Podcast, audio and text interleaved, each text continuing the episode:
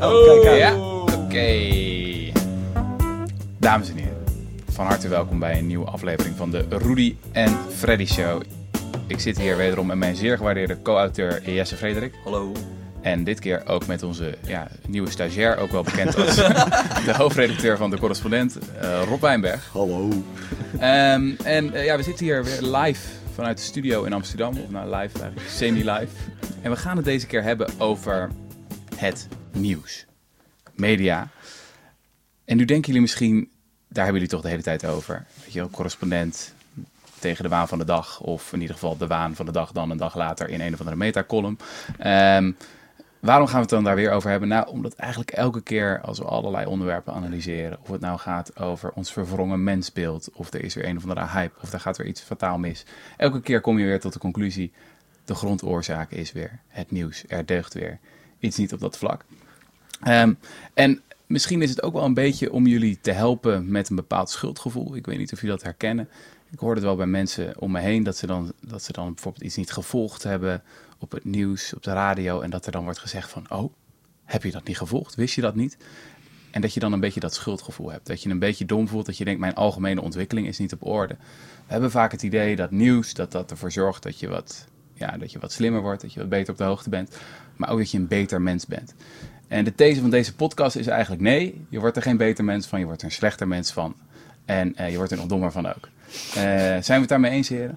Eh, ik denk het wel. Ik hoef niet per se te weten wat een vlogger is. Hè? Dat, Een, een treitervlogger. een treitervlogger. Ja, heb je ik, dat wist niet eens gemist? dat het, ik wist niet eens dat het bestond, vlogs. Maar goed. Dat had je gemist. Maar Rob, misschien kunnen we bij jou aftrappen. Wat- wanneer was het voor jou het eerst dat het besef eigenlijk doordrong? Dat er iets, dat er iets fundamenteel mis is met het product dat we nieuws noemen? Nou, dat is al best wel snel eh, eh, geweest. Ehm, toen ik bij NRC Next ging werken. Dan hebben we het over 2006. Mhm. En eh, toen was Next net opgericht. En dat moest dan eigenlijk een soort nieuwe krant. Een beetje frissere versie van NRC worden voor een jonger publiek. Want het jongere publiek haakte af. En op dat moment werkte ik, eh, eh, ik werkte op de redactie. Maar ik studeerde ook nog filosofie. En nou ja, je kan geen twee verschillendere werelden voorstellen dan de redactie van een krant en de studie filosofie. Want je hebt bij de studie filosofie zit je met vragen die al 2000 jaar hetzelfde zijn. En elke keer komt er wel weer iemand met een nieuw antwoord. En dan kom je tot de conclusie: nee, we moeten toch nog doordenken over deze vraag. En de- onmiddellijk voelde ik al het contrast, zeg maar, met het, het, mijn werk op de redactie. Namelijk, want ik zat bij de redactie Binnenland. Dus dat, ik weet niet wie dat bedacht heeft. Echt, heb dat- je nog repo's geschreven? ja, ja, en interviewtjes en nieuwsberichten en zo. Dat moest je allemaal maar leren van, eh, eerst. En ehm, ja, dat waren allemaal vragen waarvan ik dacht... dit is niet, niet eens... dit is niet 2000 jaar interessant. Dit is nog geen twee uur interessant. En dan is het alweer vergeten. En dat begon me steeds meer tegen te staan. Ik heb ook zelfs nog een laatste kansgesprek gehad. Dus Je, je verzint het niet. Eh, eh, je, kan, je carrière kan zomaar afgelopen zijn. Want ik voelde me daar zo niet thuis... Eh, dat ze op een gegeven moment zeiden van... Ja, Rob, dit, dit werkt Omdat je dat vertikte. Ik, sterker nog, ik kan je illustreren hoe ongelooflijk slecht ik, ik was in het herkennen van nieuws. dit, dit, dit, dit, dit is eigenlijk alleen maar binnen de muren van NRC gebleven, maar ik ga het nu de wereld in helpen. Dat is echt heel dom van mij. Ik heb ooit een keer, ik, ging, ik ga elke twee weken met mijn vader naar FC Groningen, naar het voetbal. En ik heb daar ooit een keer in het stadion gezeten toen de brand uitbrak.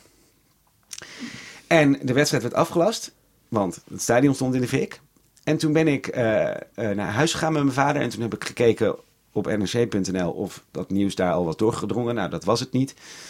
Nou, toen dacht ik, oh, nou, raar. En toen ben ik ehm, eh, nou, gewoon gaan slapen. Volgende ochtend naar mijn werk gegaan. Toen heb ik verteld dat ik daar was. En iedereen was furieus. Want iedereen zei, jij was daar. Waarom heb je dan niet verslag uitgebracht voor ons? Maar dat ontging mij totaal. Ik wist dus helemaal niet dat ik naar nieuws aan het kijken was. Want ik dacht, ja, nou ja, goed, brand. Who cares, weet je wel. Eh, ehm, dus eh, ik had toen eigenlijk al aversie. Maar, moet ik even bijzeggen, een paar jaar later, toen drong echt tot me door wat er mis mee was. Dat was namelijk toen wij een essay in NRC Next, toen waren we al een beetje afgedreven Aha. van het nieuws en toen wilden we al een andere krant maken. En toen hebben wij een essay geplaatst van 8000 woorden, meen ik, van de Zwitserse schrijver Rolf Dobelli. En dat was getiteld Avoid News. Dus eh, eh, vert- vertaald eh, Vermijd, vermijd nieuws. het nieuws. Ja. En dat ging over wat er mis was met nieuws, et cetera. En dat hebben we helemaal integraal in de, in de krant ge- gezet. 16 pa- krantenpagina's lang. Nog nooit vertoond. En eh, de volgende ochtend kwamen eigenlijk alle Next-redacteuren een beetje een soort zombie-achtig, verdwaasd, met een rare blik in hun ogen op hun werk. Van, die hadden dat stuk gelezen en die dachten, oh mijn god, wat wij aan het doen zijn hier, nieuws maken, zo'n krant. Het slaat helemaal nergens op. Het is gewoon helemaal dat wereldbeeld dat wij mensen voorschotelen klopt van geen kant. We moeten iets anders doen. Ik kan me nog heel goed herinneren, Thalia, Thalia Verkade, die werkt nu bij NRC Next. Die was echt Bij de week- correspondent. Of bij, eh, die werkte toen bij Next en die werkt nu bij de correspondent. Die was echt, eh, die dacht, ja, ik, ik moet echt, echt mijn werk fundamenteel veranderen, want ik schotel mensen leugens voor. En dat was eigenlijk, en het aantal brieven dat wij van lezers kregen toen, dat is nog Oké, nooit maar wat stond daarin dan? in dat essay. Ja. Nou, eigenlijk tien of twaalf redenen of zo waarom eh, Rolf Dobelli, die schrijver, gestopt was met het volgen van nieuws.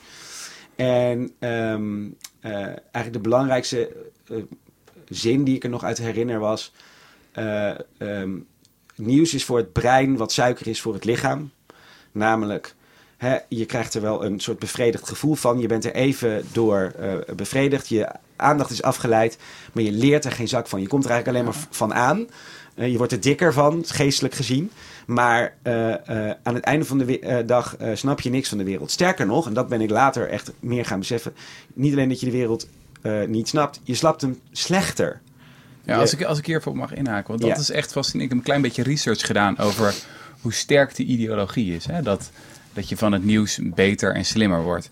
Als je bijvoorbeeld kijkt naar het advies van eh, Onderwijs 2032, weet je wel, die eh, commissie van zwaargewichten, die zeggen van het, het lezen, luisteren en bekijken van het nieuws met leerlingen verhoogt de algemene ontwikkeling. Als je dan gaat naar de kwaliteitssite carrièretijger.nl, daar staat er ook een hele afdeling. Ehm, het is belangrijk dat je breed geïnformeerd bent. Je leest al- alle kranten, nieuwssites. Dan krijg je een goed gefundeerd oordeel. Dat is, dan kan je makkelijker netwerken, et cetera. Dan word je een beter geïnformeerd mens van. Er is zelfs een website, En daar blijkt ook, ja, algemene ontwikkeling en nieuws is min of meer synoniem. Het grappige is, want eh, kijk, er zijn, heel, er zijn heel veel dingen mis met nieuwsmedia. En dan komt het al heel gauw in de, in de sfeer van het is eh hyperig, sensationeel, eh, eh, niet gefactcheckt, eh, dat soort dingen. Maar ik kwam er eh, langzaam maar zeker achter dat het eigenlijk nog veel fundamenteler is. Er is iets fundamenteel mis met nieuws door de, door, eh, de definitie van nieuws. Het is inherent aan nieuws wat er problematisch aan is. En dat is ten eerste eh, dat het altijd eh, over uitzonderingen gaat. Dus het gaat nooit over regels. Eh, het, het is datgene wat opvalt, wat net anders genoeg is om nieuwswaardig gevonden te worden, Mhm. om op, opgemerkt te kunnen worden. Dat is één probleem, want nou ja, wat is daar het probleem van? De dingen die de uitzondering zijn, zijn natuurlijk precies de dingen die niet eh, bepalen hoe een samenleving op een dagelijkse basis eh, eruit ziet. Maar nog veel fundamenteler, dat is wat jij zegt. Het moet er elke dag zijn. Het is, eh, en actualiteit wordt ook gedefinieerd als datgene wat vandaag gebeurt. Dus als je als journalist een, een, een verhaal wil pitchen bij een krant of, of bij een hoofdredacteur van een krant, dan is het eerste wat hij zal vragen, en dit wordt trouwens ook aangeleerd op scholen journalistiek, hè, wat is de aanleiding? Ja, haakje. Wat is het Haakje, wat is haakje? Dat had ik. En dat haakje, dat is fundamenteel, want het, het haakje is altijd. eh, dit, het is net gebeurd. Dus bijvoorbeeld als je een recensie van een boek wil schrijven, dan moet het net uit zijn. Dat mag niet uit 1880 eh, zijn, omdat het toevallig nu heel Ja, relevant ja. boek is over nu. Het moet nu, nu gebeuren. Ja. En dat nu, dat vandaag, dat is echt cruciaal. Want de meeste invloedrijke ontwikkelingen gebeuren niet op een dag. Gebeuren niet vandaag. Die gebeuren elke dag. Het zijn geen momenten, maar trends. ik weet nog zo goed dat ik op een gegeven moment... eh, ik heb een jaar voor de Volkskrant gewerkt. En toen waren er allerlei berichtgeving was er over dat ouderen steeds eenzamer werden en zo. En ik besloot op een gegeven moment dat een keer te checken. Nou, je doet dan wat research en dat duurt natuurlijk een paar weken. En tegen de tijd dat ik het antwoord had, was het al lang niet meer actueel. Dus toen kwam ik met een, met een stuk bij mijn chef en ik zei van ja, het valt eigenlijk wel mee met die eenzaamheid. Het is helemaal niet zo dat we eenzamer zijn geworden sinds de jaren 60. En jongeren zijn veel eenzamer dan ouderen, blijkt uit de data.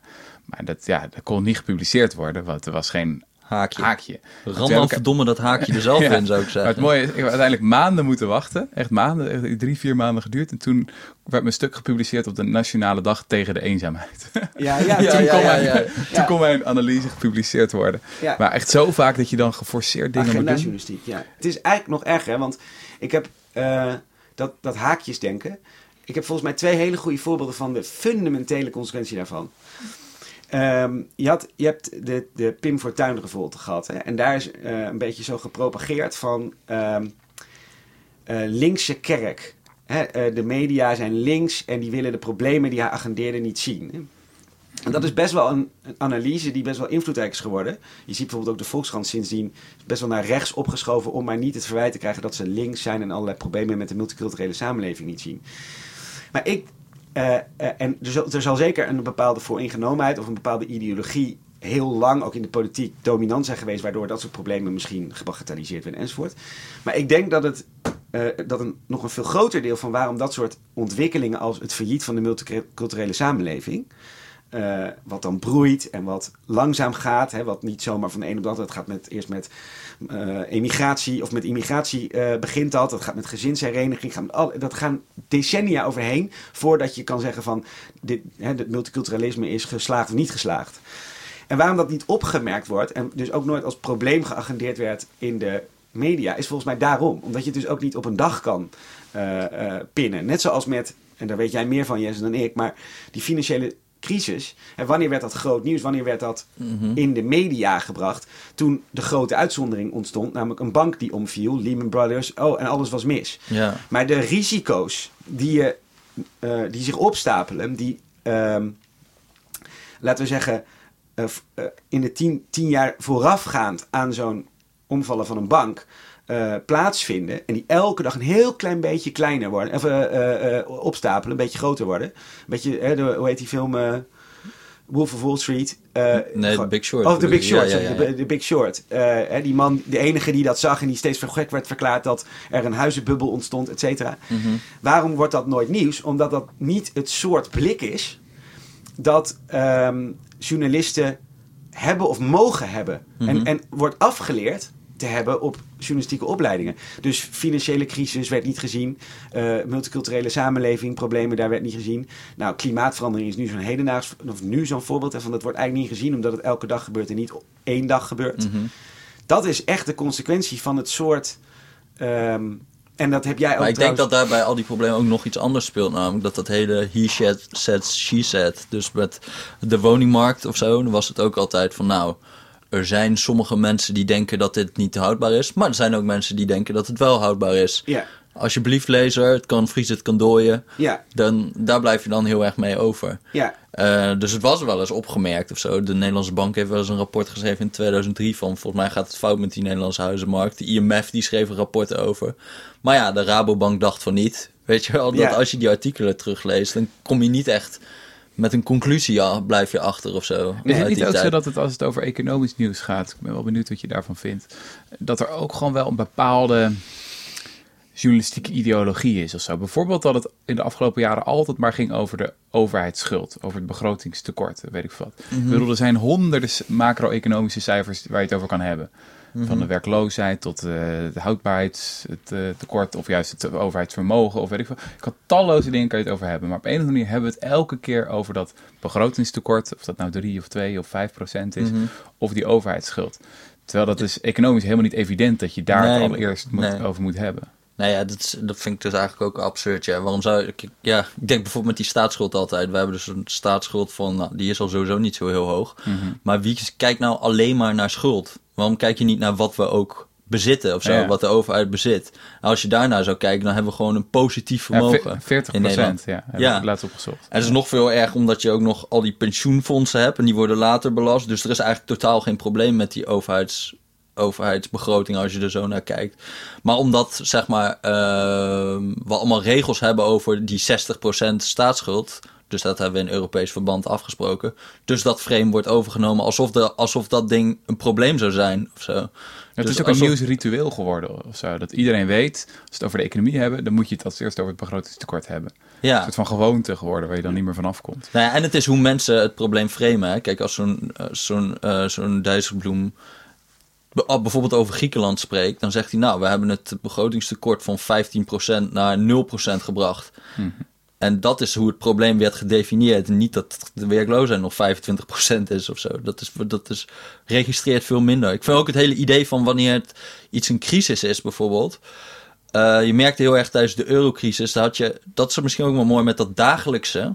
Je kan dagelijks kan je de koersen opzoeken bijvoorbeeld. Je kan zien hoe, wat de rente is op Griekse staatsobligaties. Nou, elke dag nieuws. Kan elke dag weer hoger, weer hoger, weer hoger. Oh, Die daalt op een gegeven moment. Is, en dan is de hele crisissfeer weg in de media. Omdat er niet meer een dagelijks datapunt is waar je het over kan hebben. En, maar ondertussen is gewoon die werkloosheid is nog steeds 25%. Dus wat is er nou eigenlijk veranderd? Behalve iets op de financiële markten waar je elke dag naar kan kijken. En toch is die crisissfeer dan in Nou, één keer weg. Ja, dus heel als je het raar vergelijkt is. met het klimaat, zeg maar de aandeelkoers is het weer, ook dagelijks. en, dat zeg eh, ik ook heel vaak, En de werkloosheid is het klimaat waar we het niet over hebben. Nieuws is het weer en, eh, en je- we moeten het hebben over het klimaat eigenlijk. Wat structureel is. Ja, Ja, precies. Nou, maar dit wordt nou eigenlijk alleen maar erger, want daar schreef jij over, Rutger. Eh, her- herinner ik mij nu. Eh, de, ehm, eh, onder de titel eh, Onze statistiek wordt straks ook geregeerd door de waan van de dag. Het Mhm. CBS, hè, onze eh, grote verschaffer van alles, alle soorten cijfers, wil eh, meer op het nieuws aansluiten. Dat is letterlijk wat ze ook eh, ze- zeggen. Hè, van ze moeten meer de nieuwsmedia bedienen. En wat, wat krijg je dan? Dan gaan ze dus inderdaad zelf ook die haakje, dat haakjesdenken Mhm. introduceren. Van, is dit nu actueel? En ik weet niet, Jess, of jij een goed voorbeeld had. Maar in- inderdaad, ze moeten nu dus bij CBS moeten ze ook bezuinigen heel erg. En als je dan gaat, je statistiek gaat kiezen op wat nu relevant lijkt, ja, je weet helemaal niet wanneer. Is vaak pas achteraf te beoordelen of zo. ja, precies. Dus nu speelt er dan heel veel over inkomens- en vermogensongelijkheid. Daar gaan ze wel heel veel op inzetten dan. Mhm. Vind ik wel interessant. Maar uiteindelijk kan het over vijf of tien jaar kan er iets heel anders zijn. En dan zijn al die, eh, zijn al die data geschrapt gewoon puur voor de waan van de dag. Nou, het of is natuurlijk, kijk, zij verdedigen dat van wij willen statistiek produceren die maatschappelijk relevant is. En voor een deel is dat heel goed te begrijpen. Je moet niet eindeloos veel mankrachten gaan, gaan steken in statistieken die nooit bekeken worden, als je dat echt kan verdedigen. Alleen het punt is dat maatschappelijke relevantie wordt dan weer gedefinieerd aan de hand van het nieuws. Want het Ja. nieuws geeft je algemene ontwikkeling, dus dat is maatschappelijk relevant, dus et cetera. Precies. En dat is de cirkel waar je dan in terechtkomt. Nou ja, bij wijze van spreken, als je het even zo, zo zou formuleren, hypothetisch. Eh, als dat de leidraad in alle wetenschap zou zijn, dan waren we nooit erachter gekomen dat de aarde opwarmt. Mhm. Maar dan waren we dus eigenlijk alleen maar aan het kijken naar dagtemperaturen. Zeg maar, en dan was het nu warmer geweest en dan kouder. En, maar dan hadden we nooit die hele lange termijn ooit ontdekt. Ja, En dat maar ga je aan, dus- de andere, aan de andere kant, ik vond het ook wel weer. Het is ook wel weer begrijpelijk dat zo'n partij als het CBS dit doet. Want ik had het er vanochtend nog met eh, Mark Chavan over. Dat hij zei van dat er steeds zo'n strijd is, ook als een eh, belangrijk overheidsorgaan een rapport publiceert. Dan hebben ze er jaren onderzoek gedaan, bijvoorbeeld de rekenkamer of zo. Eh, en dan willen ze heel graag dat het rapport goed geconsumeerd wordt. Dat, dat het een beetje gelezen wordt en bestudeerd. Ehm, maar het wordt natuurlijk meteen al geframed. Het wordt heel erg bepaald door het eerste persbericht wat zij erin zetten. Of het wordt door anderen meegepakt. Eh, dus op een gegeven moment wil je ook gaan sturen van... ja, ik heb hier verdorie twee jaar werk in gehad. Eh, dan wil je ook een goede persafdeling die er goed over nadenkt... van hoe dit dan nieuws wordt en wat er vooral wordt opgepikt. Dus het is ook wel begrijpelijk dat er zo'n... nou ja, in die mediacratie zo'n zo'n wedloop is. Dat degene die de afzender ook meer na gaat denken van... hoe slinger ik dit de wereld Zeker, in. ja. Maar goed, het gevaar is dus wel dat je dus wel... eh mediaveger betekent ook Ja, in, veel ja. gevallen Diederik Stapeleriger, zeg maar. Hè? Want ik bedoel, die, dat is een heel extreem voorbeeld. Ja. Maar die zocht ook, laten we zeggen, naar het soort onderzoek en de resultaten van het onderzoek dat lekker verkoopt in een krant. Of in, een, in een journaal of zo. Ja, of wat politieke implicaties heeft of zo. Dat, trouwens, daar wil ik nog even eh, over hebben. Politieke verslaggeving. Wij hebben geen Den Haag-correspondent of zo. Nee. Waarom eigenlijk niet? Eh, nou, eh, ten eerste, eh, als je als criterium, en dat doen wij vaak, hanteert, ehm, kunnen wij ons onderscheiden van wat er is. Dan is natuurlijk de meest overbelichte vierkante kilometer van Nederland is Den Haag. Mhm. Dus daar valt niet zo heel veel nieuws in de letterlijke echt, zeg maar, zin van het woord te halen. En ten tweede, ik heb ook nog niet echt ehm, iemand gevonden die Den Haag, als we dat wel zouden willen doen, op een manier kan doen zoals, zoals wij dat zo- zouden, zouden willen. Kijk, ehm Mark Chavan schrijft natuurlijk over politiek, maar die schrijft heel erg over heeft een heel groot netwerk in heel Nederland. Schrijft heel erg over een beetje de dagelijkse eh, gang van zaken in de politiek. Dat is vaak ook heel beleidsmatig en zeg maar quote-unquote voor gewone parlementaire verslaggeving relatief saai. Omdat nou, er worden gewoon beslissingen genomen en die hebben implicaties. En wat, hebben, wat zijn dat dan voor implicaties? Maar zoiets als, is Samson nog geloofwaardig eh, eh, tegenover zijn achterban? Daar is A, te veel van. En B, eh, ja, dat is totaal niet wat wij voor journalistiek willen. Mhm. Want het is, nou, ja, je, je kunt zeggen ja en dan ga je allemaal mensen interviewen die dat vinden. En je kunt zeggen nee en je kunt allemaal mensen interviewen die dat Waarom vinden. is dat zo populair, dat soort...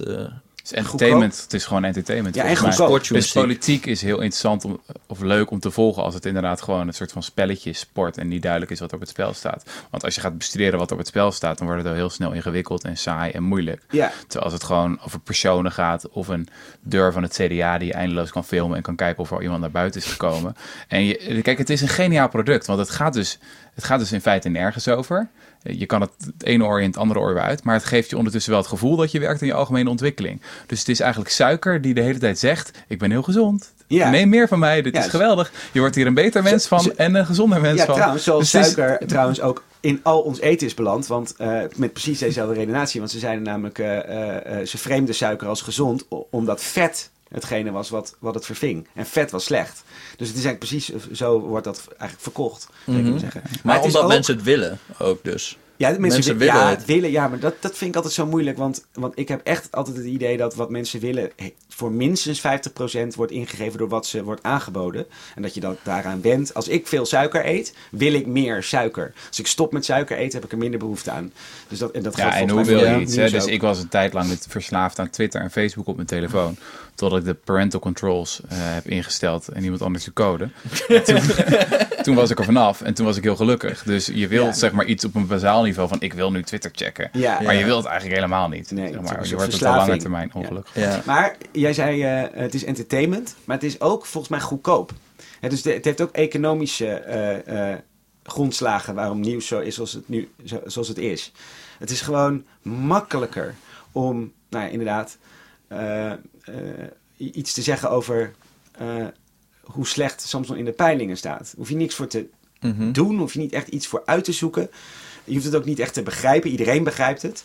Eh, en daarom, hè, bijvoorbeeld eh, bij kranten ook altijd, de, de onderzoeksjournalistiek, dat wordt altijd heel erg ehm, eh, hoopvol ehm, ondernomen. En dan is er weer een groep bij elkaar gezet. En eh, die gaat onderzoeksjournalistiek, krijgt alle tijd. En hoeft geen, heeft geen deadlines en geen druk. En het, en het moet eh, grote tegels lichten, zoals Henk Hofland dan altijd zei.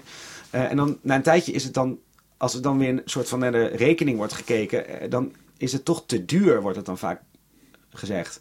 Mhm. Het is gewoon, dus wat je nu ziet als nieuws, is volgens mij ook gewoon makkelijk te maken. Ja. Eh, Maar dat is toch ook gewoon heel... Ja, ik, misschien moet je de nieuwsconsument ook een beetje aankijken. Maar als er gewoon een miljoen mensen klikken op Duitse Kroes naakt... in plaats van eh, een of ander onderzoeksjournalistiek verhaal... Mhm. Ja, dan is het ook lastig natuurlijk voor een krant om dan te denken van... wat moeten we daar Maar nou het, mee? het gaat mij Ja. niet eens om de uitzonderingen van Duitse Kroes naakt of zo. Al lijkt me dat buitengewoon interessant. Eh, maar, maar het gaat ook gewoon om inderdaad meer lange reportageachtige verhalen waarin, nou ja, dan vooral als het over een politieke kwestie gaat, de persoonlijke dynamiek wordt beschreven of zo. En hoe zat die in zijn vel? En die zei dat toen tegen die, et cetera. Maar dat je niet echt het gevoel krijgt van, Ja, want ik heb Eh, ook niet zo'n zo'n vreselijk moeite met eh, Duitse kroes eh, naakt, dat soort entertainment nieuws. Dat hoort er ook wel bij. Nieuws is natuurlijk ook gewoon wel 80% geroddel. Hè, bedoel, ik heb wel eens, ik, in mijn boek De Nieuwsfabriek begin ik ook met een soort, heb ik ergens in het begin een soort hypothese van, stel dat je nieuws afschaft. Het bestaat niet meer. Het is weg. Wat gebeurt er dan? Nou, dan wordt het acuut weer uitgevonden, dezelfde dag nog. Want wat gaan mensen doen? Die gaan elkaar vertellen van, hey, heb je gehoord dat eh, de buurman het met eh, eh, de buurvrouw, met een andere buurvrouw doet, of weet ik veel wat. En, dan, en dat gaat dan zo rond. Mhm. En dan, gaat het net, dan gaat het, heb je gehoord dat er een gevaar van iets verder buiten het dorp dreigt. En oh, dan moeten we ons voor wapenen enzovoort. En dan, voor je het weet, heb je, als je dat dan professionaliseert, heb je weer gewoon nieuws. Nieuwsmedia. En dat bestaat ook gewoon voor 75% uit.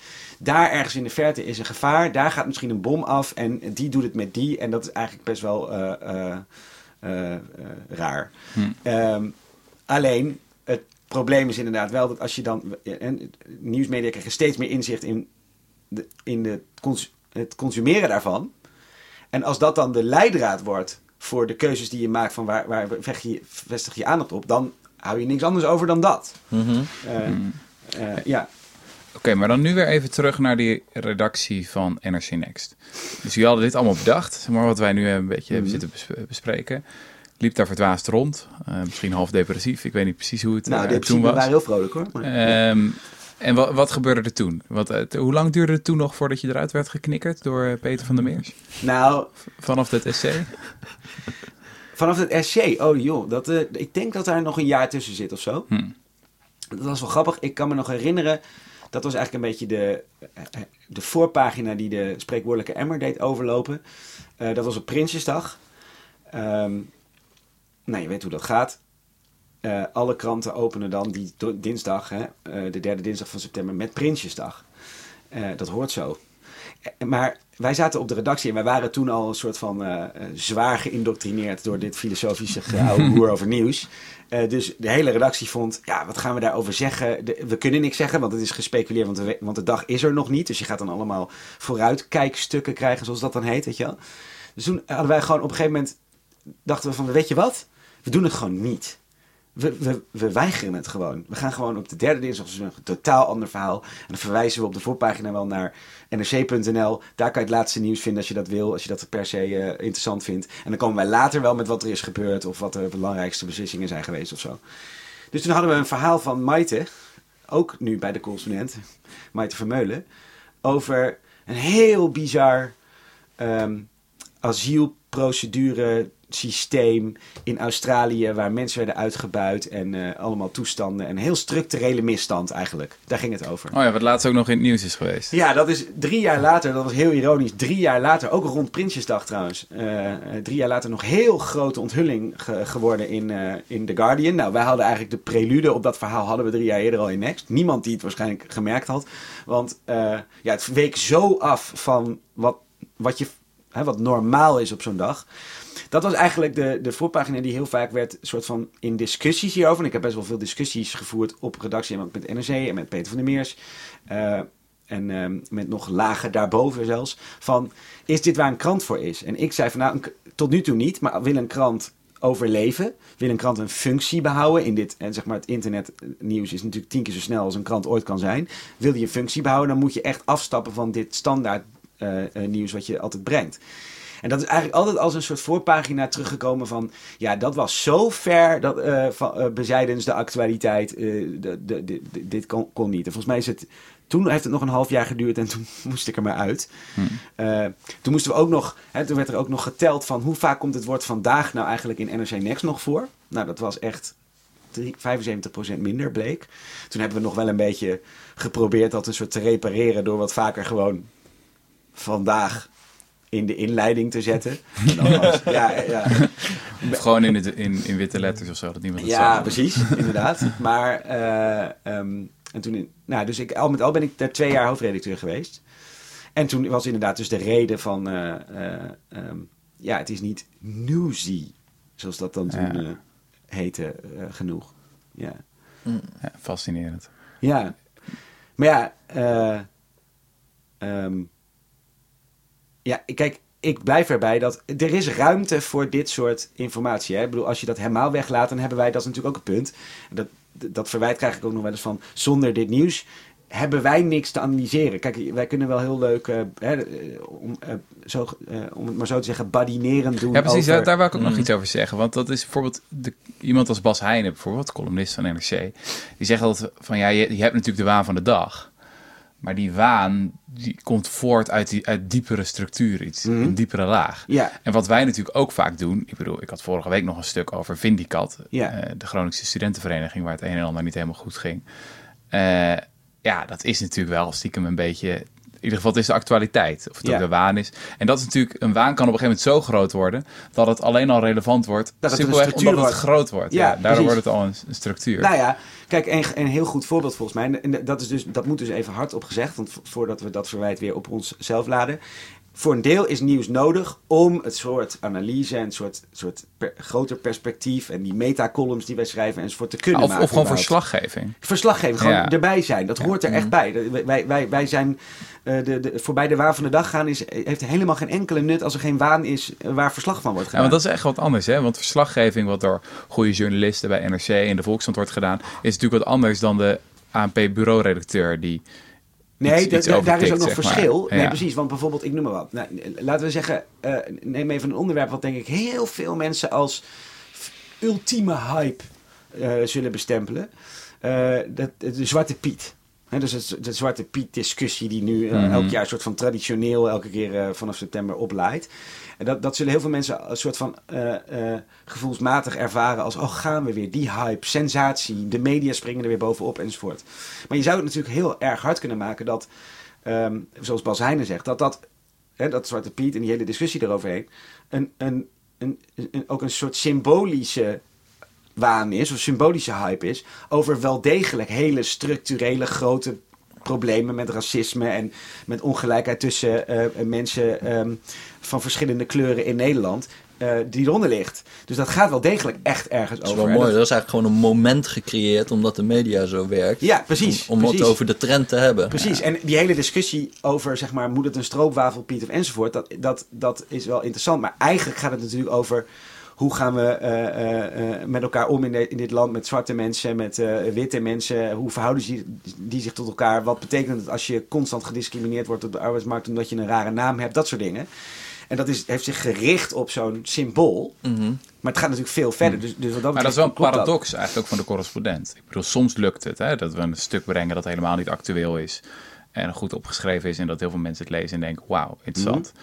Maar natuurlijk heel vaak surfen we ook op de golven van de actualiteit. Ja, Eh, en dan is het juist, als je alleen al naar ledengroei kijkt, ja, het is heel cynisch, maar een aanslag in Parijs of in Brussel, Ja. dan zie je meteen een piek in het aantal leden dat, Ja. zich, dat zich aanmeldt. ironischer eh, wijs ook nog eens, omdat we er dan eh, expliciet geen aandacht aan zeggen te, be- te besteden. Hè? Ja, dus in dan eerste we, instantie. we doen nu niks. Ja, inderdaad, in eerste instantie. En later komen de analyses. Ja. Nee, dat is inderdaad een paradox, maar wij misbruiken in een zekere zin ook het nieuws om het bre- een, een breder punt of een ander punt eh, naar voren te brengen. Hè, we hebben dus die functie opnieuw relevant ook geïntroduceerd. Ja. Om gewoon die, dat is eigenlijk haakjes denken geïntroduceerd op de correspondent. Namelijk, hé, hey, er is een haakje, er is een aanleiding in het nieuws. En daar kunnen we ons grotere verhaal, wat er eh, achter ligt, eh, aanhangen, als het ware. Ja, het is gewoon dat, dat, dat wij dan al zo'n haakje erin hebben geslagen met een mooie jas erop. En als, dan, als, die, eh, als de waan dan ook zo ver is, dan kunnen wij die al aanreiken. Ja, nou dat is een beetje wat, wat, wat. Want ik vind op zich eh, daar niet, niet zoveel mis mee. Want ehm, het grote verschil is dat we het omdraaien en zeggen. Kijk, heel veel eh, nieuwsmedia reageren op gebeurtenissen. Mhm. eh, en, en, en, en maken daar zo nieuws van. En die lopen eigenlijk achter die gebeurtenissen van vandaag of gisteren eh, aan. Wij proberen eigenlijk onze eigen agenda te bepalen. Over grotere dingen te, te spreken die elke dag gebeuren. Die niet aan zo'n, aan zo'n gebeurtenis hangen. En dan eh, zo'n gebeurtenis soort van op ons te laten reageren. Dus zeg maar, als het dan gebeurt, dat we dan bijvoorbeeld dat bredere verhaal eraan ophangen. Dus dat je uitzoekt, oké, hoe groot is ter- terrorisme nou eigenlijk? Waar komt het vandaan? Wat is de geschiedenis, et cetera? En dan bij wijze van spreken met een aanslag eh, kun je dat verhaal eh, nou ja, onder de aandacht brengen, als het ware. Dus je, Maar wat mij toch ook blijft fascineren is, is hoe irrationeel het nieuws is. In de zin van, je denkt eh, als onwetende nieuwsconsument, denk je dat er zoiets bestaat als het nieuws. Mhm. Maar als je dan een tijdje bij een krant hebt gewerkt of, of, of bij het journaal of zo, en je ziet hoe de worst gemaakt wordt. Ik bedoel, het eerste wat je ontdekt is dat al die redacties die beginnen met de vraag, nou, wat is het nieuws? Nou, dan moeten we dus de andere kranten openslaan. Ja. Zo beginnen alle talkshows hun, hun ochtend van wat hebben de kranten? Ja. Daar gaan we het daar van s'avonds over hebben. Dus je begint de dag altijd bij wat doen de anderen. Ja. Als je alle hoofd Je eh, begint de dag in de echokamer. ja, ja, als je alle voorpagina's naast elkaar legt, dan is heel vaak dat dat behoorlijk op elkaar lijkt. Maar soms dan krijg je dus ook hele rare effecten. Ik kan me herinneren van toen ik eh, bij de Volkskrant werkte, dat op een gegeven moment, eh, de pagina 3 van de Volkskrant was altijd een beetje een soort van human interest-achtig verhaal of zo. En toen zei iemand, een, een, redacteur, die zei van, nou op de school van mijn dochter waren wel wat korte rokjes, dat de rokjes wel erg kort waren dit jaar. Dus chef zei van, nou, dat is een goed onderwerp, dat moeten we uitzoeken. Dat is leuk voor pagina 3. Dus toen werd er een beetje rondgebeld en zo. Nou, sommige scholen niet, andere scholen wel. Nou, het gevleugelde gezegde was altijd: één is een incident, twee is een trend. Dus op een gegeven moment waren er genoeg gevallen gevonden. Om het trend- Fotograaf trend, eh, eh, langs, ja. En toen inderdaad ook andere kranten die dat overnamen, radio die het overnam. Volgens mij, ik kan me niet helemaal goed herinneren, maar volgens mij heeft de EO er zelfs nog een debat aan gewijd. Ehm, dus ineens was dat nieuws gecreëerd. En ik zat dat ja, gefascineerd te bekijken. Ineens was nieuws dat dat de rokjes tekort werden. Ja. En toen ben ik dat later gaan, eh, gaan researchen. Net toen ik bij de, voor de correspondent ging werken. En toen was ik er dus achter gekomen dat iets van een jaar, anderhalf jaar eerder op diezelfde pagina een ander verhaal had gestaan. Namelijk dat de jeugd steeds preutser werd. Ja. En dat was ook een soort van volgens dezelfde journalistieke methode. Ja. Nou, dit is misschien een extreem voorbeeld, maar het is zo'n interessant voorbeeld van hoe dingen ineens actueel kunnen worden. Ja, nee, het is echt een papegaaiencircuit in dat, in dat opzicht. Eh, ik vind bijvoorbeeld het journaal daar nog, nog het- misschien wel het, het, het NOS-journaal gewoon. Eh, daar misschien wel het grootste voorbeeld van. In de zin van, ten eerste hebben zij bijna nooit eigen nieuws. Dus dat is, vind ik echt onvoorstelbaar. RTL Nieuws heeft vaker eigen Ja. onderzoek, wat ze dan in de uitzending als Ja, nieuws brengen, dan het NOS-journaal. En als je bedenkt hoe ongelooflijk Hoeveel middelen die veel hebben, Ja, jongen. die hebben Jongen, ongelooflijk veel middelen en ongelooflijk veel mensen. Echt 200 correspondenten kun je ermee maken. Ja, dat 300, is, echt, dat is echt ongelooflijk wat ze van dat budget zouden kunnen doen. En, en dus relatief daaraan hebben ze al helemaal nooit no- eigen nieuws. Ze kijken eigenlijk alleen maar naar nou ja, kranten en persbureaus en eh, eh, buitenlandse media ook vooral. Eh, en dat is dan, hè, dus als iets met Erdogan, dan is dat het. En als met Obama, dan is dat het. Maar nooit, we hebben zelf iets uitgezocht en dat brengen we nu groot. Maar, en, maar dat is dus het punt. Het journaal is zelf ook wel weer best wel invloedrijk. In termen van wat dan de talkshows oppikken. Van, eh, en die talkshows die worden dan weer gekeken en gerecenseerd in de krant. En, en dan gaat het weer leven. En de columnisten, karavaan, en die dan daarover gaan praten. En oh, dan denkt, dan denkt, de, denkt de andere krant van, oh, daar moeten we het misschien ook over hebben. Ja, het is echt... En uiteindelijk kon je het metastuk in de correspondent. Ja, ja, precies. Dat heb ik ook wel eens gezegd. Marcel Geloof zei dat een keer van... Nieuws is waar mensen het over hebben aan de koffieautomaat. Ja, En dat vond ik zo fascinerend. Ik bedoel, dat is compleet circulair. ja, Waar hebben mensen het over aan de koffieautomaat? Over wat die- jij uitzendt, weet Ja. je wel? En, en niemand realiseert zich dan dat het gewoon één grote cirkel is... waar op een gegeven moment random iets in komt. Nou, erger nog, so- sorry Jesse, eh, maar, ehm, Marcel Golau vindt dit, dit wat jij nu net zegt, heeft hij meerdere malen in interviews gezegd, een belangrijker criterium dan of het klopt. Dat heeft hij eh, eh, eh, er- er meerdere voorbeelden van gegeven. Van als er dan eh, nieuws is en dat gonst. eh, bijvoorbeeld de minister heeft iets vreselijks begaan of zo. Ehm, moet je het gewoon brengen. dan moet je het brengen. Ook als je nog niet hebt kunnen controleren of het klopt. Of niet zeker weet dat het klopt. Ja. Gewoon brengen, want iedereen Want mensen praat hebben het er over al bij de over. Ja, Mm. ja. Ja, ik vroeg me nog af, denk je niet dat televisie gewoon intrinsiek een verderfelijker medium is voor dit soort shit? Want je hebt gewoon, je hebt gewoon veel meer of zo. Mm, nou, ik denk dat er wel, inher- ik denk niet inherent verderfelijk. Ik denk dat er ook Nou, jawel hoor. Je hebt een paar Amerikaanse studies die echt laten zien dat mensen minder altruïstisch worden, negatiever mensbeeld krijgen Ja, en zo van nee. veel televisie kijken. Ja, Nee, maar is dat de kijk- inhoud of is de media, is de Ja, medium is het of de correlatie, causatie? Ja, nee, dat wou ik zeggen. Kijk, er zijn een paar tekortkomingen aan tv die, die inherent zijn. Gewoon simpelweg het feit dat, je, dat het in beeld moet, want het is beeld, Mhm. is al een heel groot probleem. En daar heeft Joris Luijendijk prachtige voorbeelden eh, van gegeven in zijn boeken. Ehm, eh, eh, als je het Israël-Palestina-conflict via tv meekrijgt, dan krijg je een scheef beeld van wat voor een conflict dat is. Want de grieven van de Israëlische kant, hè, aanslagen, explosies, mensen die met stenen gooien, dat is te filmen. De Palestijnse kant, bezetting, controlepoortjes, is veel minder goed in beeld te brengen. Je kunt niet bezetting filmen en als je het filmt zie je niet echt iets. Dus dat is al scheef. En dat is inherent aan tv. Dus dat, dat soort scheefheden hou je, dat, dat Ja, moet je je moet filmpjes. Als je bij filmpjes. DWDD wil zitten, moet je ook een leuk filmpje moet je een hebben. filmpje hebben. En als je als, eh, iets, zo- iets abstracts als privacy, bijvoorbeeld. En nou, dat hebben we eh, gemerkt. We hebben zelfs net gepraat over privacy in de, in de, eh, in de DWDD. Ja, hoe film je dat? Eh, wat film je dan? Eh, dat is dus heel moeilijk. Maar ik denk dat dat onderzoek waar jij het over hebt, Rutger, van eh, je wordt er een cynischer mens van. je gaat denken dat iedereen om je heen gestoord is. weet Nou, dat is wat. ik het meest tegenkom tijdens lezingen. Ja. Als ik dan een verhaal hou over het belang van eh, utopisch denken of het basisinkomen. Dus wat ik heel erg terugkrijg is dat mensen persoonlijk, individueel daarin geloven. Dat ze in een beperkte omgeving ook mensen hebben ontmoet die er enthousiast over zijn. Maar echt wijdverspreid cynisme over of Nederland als land dat wel aan kan. En Ja. de meeste mensen zijn toch helemaal niet idealistisch. En de meeste mensen willen toch gewoon televisie kijken en hamburgers eten. En zijn ikke, ikke, ikke. Eh, dus heel erg sterk dat negatieve mensbeeld. En elke keer als je dan wil analyseren waar komt dat vandaan. Ja, volgens mij is het antwoord altijd nieuws. Ja, zeker. Nee, en, en inderdaad, tv-nieuws, dat is heel, heel dominant. Hè. Mensen Ja, kijken nog steeds vier eh, uur per dag tv ongeveer. Misschien dan niet tv, maar het talkshow-format bijvoorbeeld. Is dat niet gewoon intrinsiek verderfelijk? Nou, niet intrinsiek, want het hangt maar net vanaf wat voor format je erop nahoudt. Maar de formats die, Nou. die, die, die, die wij op televisie hebben... en die toch best wel gemodelleerd zijn naar Amerikaanse eh, te- tv, eh, televisie... dat is wel behelpen, ja. Ik kan daar echt moeilijk naar kijken. Om, simpelweg omdat gewoon het format is...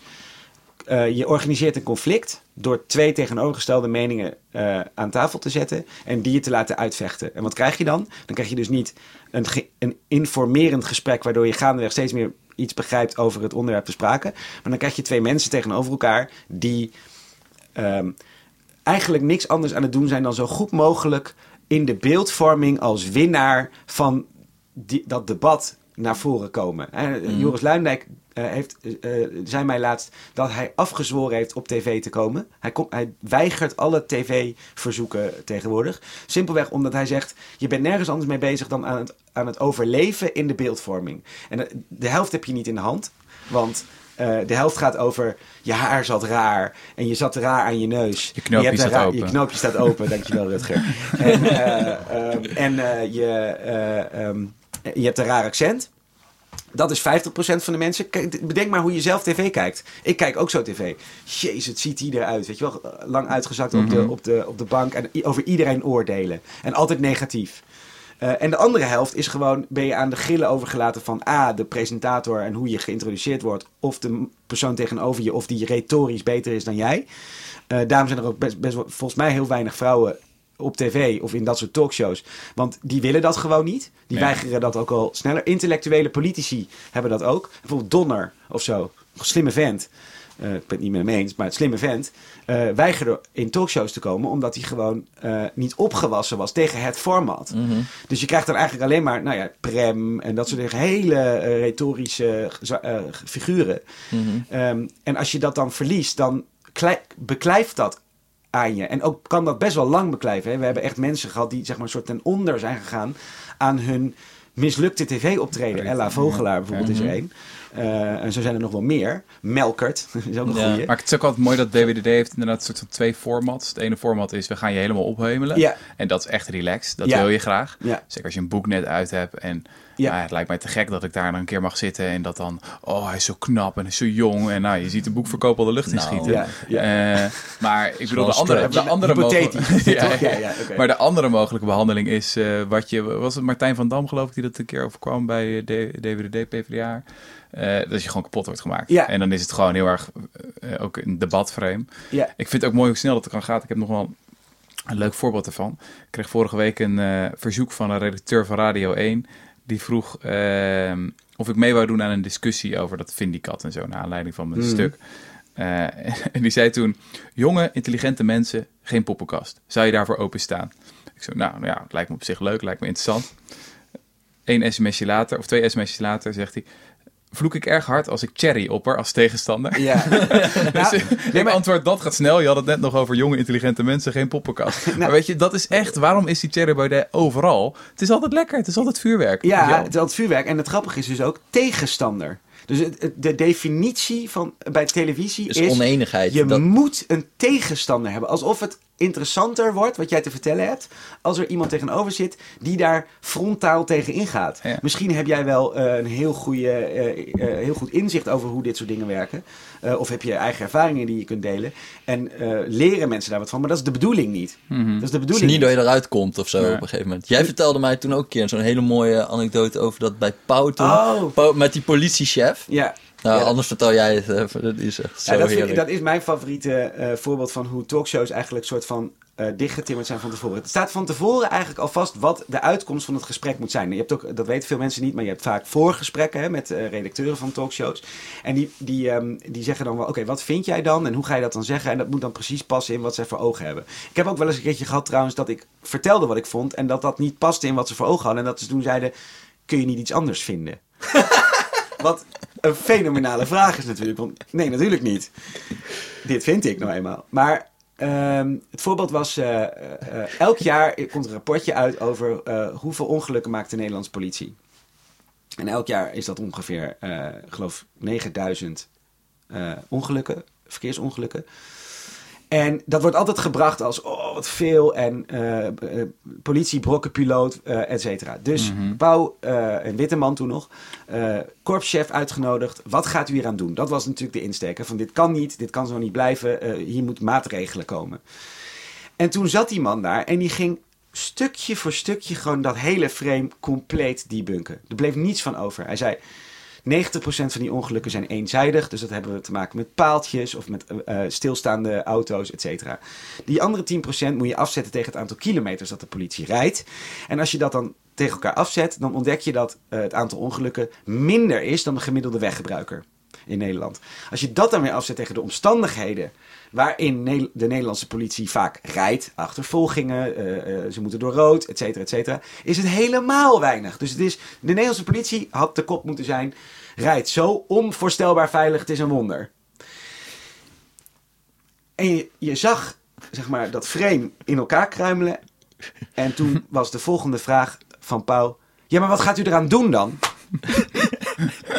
Dus Ja, helemaal dat niks. is de insteek. Dat is de insteek, die is gekozen van tevoren. En die, eh, die moet dan ook overeind blijven, anders heb je geen conflict. Eh, eigenlijk had hij moeten zeggen, nou, dit, volstrekt duidelijk, bedankt voor uw komst. En eh, succes met het goede werk dat u doet. Maar dat is geen gesprek. Op Ja. tv althans. Ja. Ja. ja. maar dat is gewoon... Je, je, je komt er ook nooit uit op voor tv, toch? Het is nooit eens een keer dat zo'n discussie eindigt met... oh ja, dus dat wist ik nog niet. Nou, Nee, we fijn. zijn een inzicht rijker. We Nee, zijn niet in echt. zich rijker. Nee, Ja. Nee, niet echt. En er is eigenlijk ook nauwelijks een format op tv, op radio, dat je een gesprek kan voeren zoals wij dat nu hebben. Dat je het niet per se van tevoren al e- extreem met elkaar oneens bent, maar dat je gewoon elkaar kan aanvullen en iets kan opbouwen. Ja. Ik zeg niet dat je altijd alleen maar met mensen moet praten die het altijd met je eens zijn. Het is ook goed om een beetje kritisch te Nou, daar zijn. ben ik het mee eens. Maar je komt, natuurlijk wel, je komt natuurlijk wel verder in een gesprek als niet de hele tijd. Nee, zeker. Je maakt een punt en al meteen gaat iemand er tegenin. Ja. Het is wel grappig, als, eh, op die Belgische televisie vind ik wel een groot contrast vergeleken met onze Ja, talkshows. enorm Zo- verschil. Zo, zo Ja. trager. Zo trager en gewoon meer van, eh, legt u het even uit. Ja, zo. Veel meer. Maar dat wordt dus onkritisch gevonden in Nederland. Dat is een beetje... eh, eh, ja, maar dat is een rare definitie van kritisch. Want Ja. vliegen afvangen is niet kritisch. Nee, Dat is gewoon vliegen afvangen. Dat Ja. is gewoon proberen te scoren. Maar dat is niet... Ja, Nee. daar heb je niks aan. nee, dat klopt. Maar het punt is natuurlijk dat echt kritisch zijn... eh, en daar, dan komen we bij de factor tijd. Daar hebben we het eigenlijk al niet over, over gehad.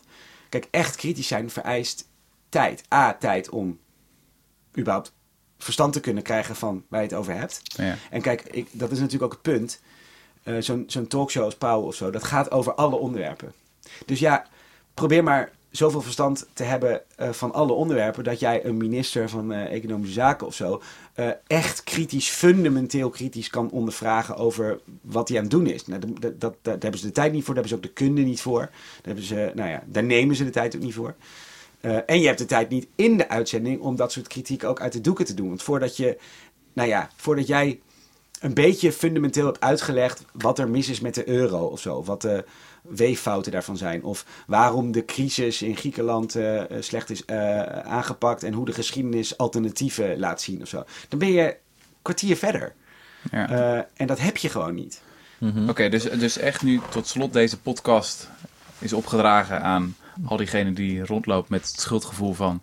Ik heb de gisteren Pauw niet gekeken en nu kan ik niet meedoen op mijn werk. Eh, en het gevoel hebben van ik word een dommer en slechter mens van te weinig nieuws volgen. Ja. Onze conclusie is nee. Nee. Je wordt er een beter Maar, mens van. En je wordt er nog slimmer van ook. Maar mag ik nog heel even, want deze vraag krijg ik altijd, dus wil ik even gelegenheid gebruik maken om dit toch nog even erin te gooien. Want mensen zeggen dan, ja oké, je hebt het nieuws afgeschaft, maar wat dan? Waar haal ik het dan vandaan? Dat krijg ik heel vaak te horen. En er zijn best wel veel alternatieven inmiddels. Dat is ook het aardige van internet. Kijk, de correspondent is natuurlijk eh, niet de enige. Eh, dus misschien even een rondje. Wat ik bedoel, waar haal jij dan wel je informatie vandaan? Als Oh ja, het niet uit is een goeie. Pauw Ja, enzovoort ja, is. Ja, Eh, want het moet een beetje constructief eindigen. Anders dan hebben we Mhm. eh, van alles afgeschaft. En dan laten we de mensen eenzaam en alleen achter.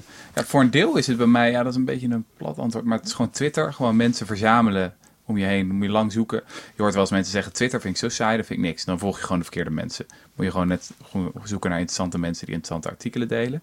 Eh, dus, dus daar komt het op neer. En er zitten dan ook trouwens heel vaak stukken bij uit de NRC of de Volkskrant, die natuurlijk heel veel goede stukken eh, publiceren. Dus dat is een bron. Eh, ik luister steeds meer podcast. En wat voor mij heel belangrijk is, ik heb gewoon een boekenquotum. Dus een boek per week. Ja, ja. Dat Ja. is, dat is Ja. toch eigenlijk de, de belangrijkste bron van eh, algemene kennis. Als Ja. we het daar toch over hebben. Ja, Jij, Rob? boek- nou, boeken. Nou, ik wou eigenlijk nog gewoon wel even voor mensen die dat niet kennen, eh, in ieder geval eh, medium noemen. Fox.com. Ik lees dat echt steeds vaker. Ja, ik dat vind is het echt vrij goed. Heel goed, ja. En dan Fox met een V, V-O-X, eh, punt .com, niet met een F, want dat is de tegenpol eigenlijk, hè? Fox News. Ja, en zij hebben ook als, eh, een beetje alle de correspondent als eh, motto eh, explaining the news. Hè? En dat doen ze echt steeds en steeds beter. Ik vind dat echt een hele interessante nieuwsbron. Snel, maar geïnformeerd. En eh, ehm, ja, je ziet ook heel duidelijk wat wij proberen bij de correspondent. Een soort, een soort leercurve. Hè? Dus je hebt gewoon een paar mensen daar die gewoon heel lang op één ding zitten. En gewoon steeds meer ervan weten. En daardoor wel snel kunnen reageren. Maar wel gewoon geïnformeerd zijn omdat ze er al de hele tijd mee bezig zijn. Dat vind ik wel echt een, echt een goede alternatieve plek om wat, eh, wat dingen te volgen. Nu bijvoorbeeld met, een, met de Amerikaanse verkiezingen echt een goede bron om eh, eh, de wat betere stukken te Mhm. vinden. Ja, en ik heb gewoon heel erg veel blogs eigenlijk die ik volg. En ook, ehm, dus met economie heb je gewoon, al, wat er in die bloggerswereld gebeurt, is echt zoveel geïnformeerder dan in kranten en zo. Eh, ik, had, ik had toen vooral met die Griekenland, dan zet ik de tv aan of zo. En dan alles wat ik daarvoor had gelezen op blogs en zo, was, stond echt zo lineair recht tegenover, of gewoon helemaal tegenover wat je dan in het nieuws zag. Dus dat kan ik gewoon heel veel. eh, nou, we zullen ook wel gewoon in de, in de show notes eventjes linken naar wat dingen die we dan interessant vinden. Nou, Ja, en dat heb ik soms op een gegeven moment weer bijna het idee dat ik weer te weinig het nieuws volg. Omdat ik dan me niet realiseer wat de rest van Nederland denkt. Dat je dan inderdaad het journaal weer eens aanzet eh, en denkt...